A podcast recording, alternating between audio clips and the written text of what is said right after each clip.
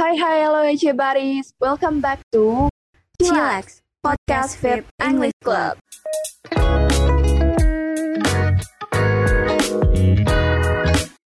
I'm Zara and my partner. Dewantri will accompany you in this episode. So, what are we gonna talk about? Today, we will discuss about movie nowadays. Ooh, sounds interesting. Okay, so you go first. What movies are you interested in? I heard so many movies that caught people's attention nowadays. Alright, I actually watched the medium yesterday. That's being said too. Ah, I know, I know. Isn't that the horror one? Yes, you're right. I will describe the movie a little without any spoiler for sure. Quoted from hideoutfilms.com, actually the medium combines an uniform tradition of Thai and South Korean horror movie. In addition, this movie is presenting about shamanism. It's a spiritual and healing tradition found in cultures around the world.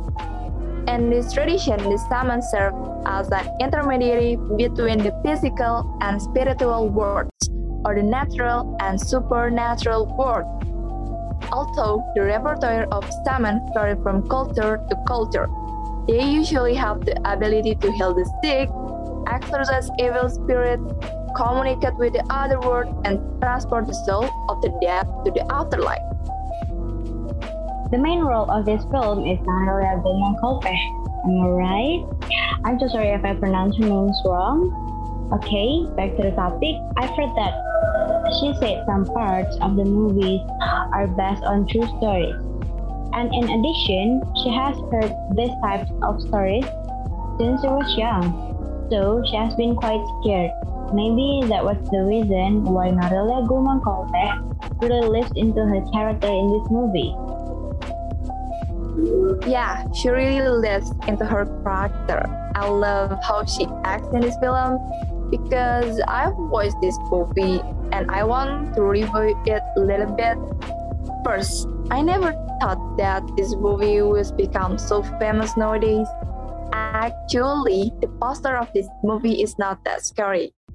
Second, because this movie is a documentary movie, you will feel like it's real. Really, really real. And last but not least, this movie is really worth to watch if you're interested about horror with jump scares that really appear. And what about you, Gazara? What movie you watched recently? Is it live action or superheroes or animation? Hmm, honestly, I haven't watched any movies, but I heard about some exciting movies will be released soon.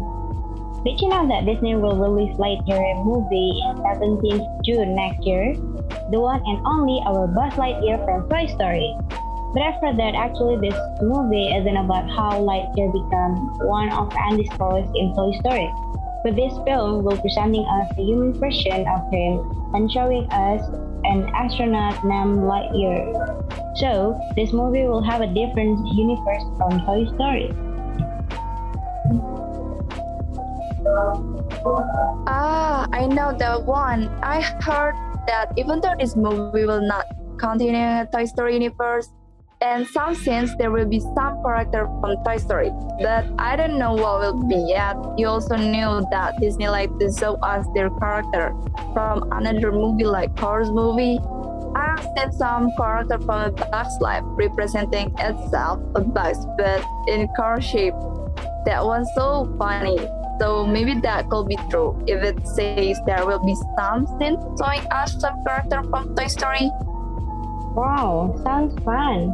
Let's move on to the next topic. I have an information that Marvel will release another sequel of Spider-Man movie. It's Spider-Man No Way Home, everybody. What is my story in this sequel then? From Zara.com, Spider-Man No Way Home will tell the story of Peter Parker who faces a major crisis because his identity is revealed by Mysterio. Peter Parker then asks Doctor Stranger for help so that people could forget identity as Spider-Man. At the end of the latest trailer, Spider-Man is shown wearing the latest Iron costume called the Integrated Suit. Sadly, Spider-Man No Way Home will be Tom Holland's last contract with Marvel Studios. Oh, so sad. Yeah, so sad, but as a fan, we just can't for the best for his success. Right. So, when Spider-Man No Way Home will be released? Spider-Man No Way Home will be released on December 22nd this year. This movie can be an option to be a family spectacle in the year and holiday. You didn't have to wait long to see Peter Parker in action again. Whoa, it's coming soon. You guys can this movie as your bucket list for next month then. Yes, you're right. Okay, maybe that's all we can talking about. Movies nowadays. Please enjoy your day and have a good rest. I can believe there's only one month left before welcoming 2022. Time flies so fast, isn't it? It is. We hope our movie recommendation could help you. Just in case you still don't have any plans to do weekend, then maybe you could watch one of the movies we recommend. See you on the next Chillax podcast. Chill and relax with Fifth English Club UNJ. Bye bye.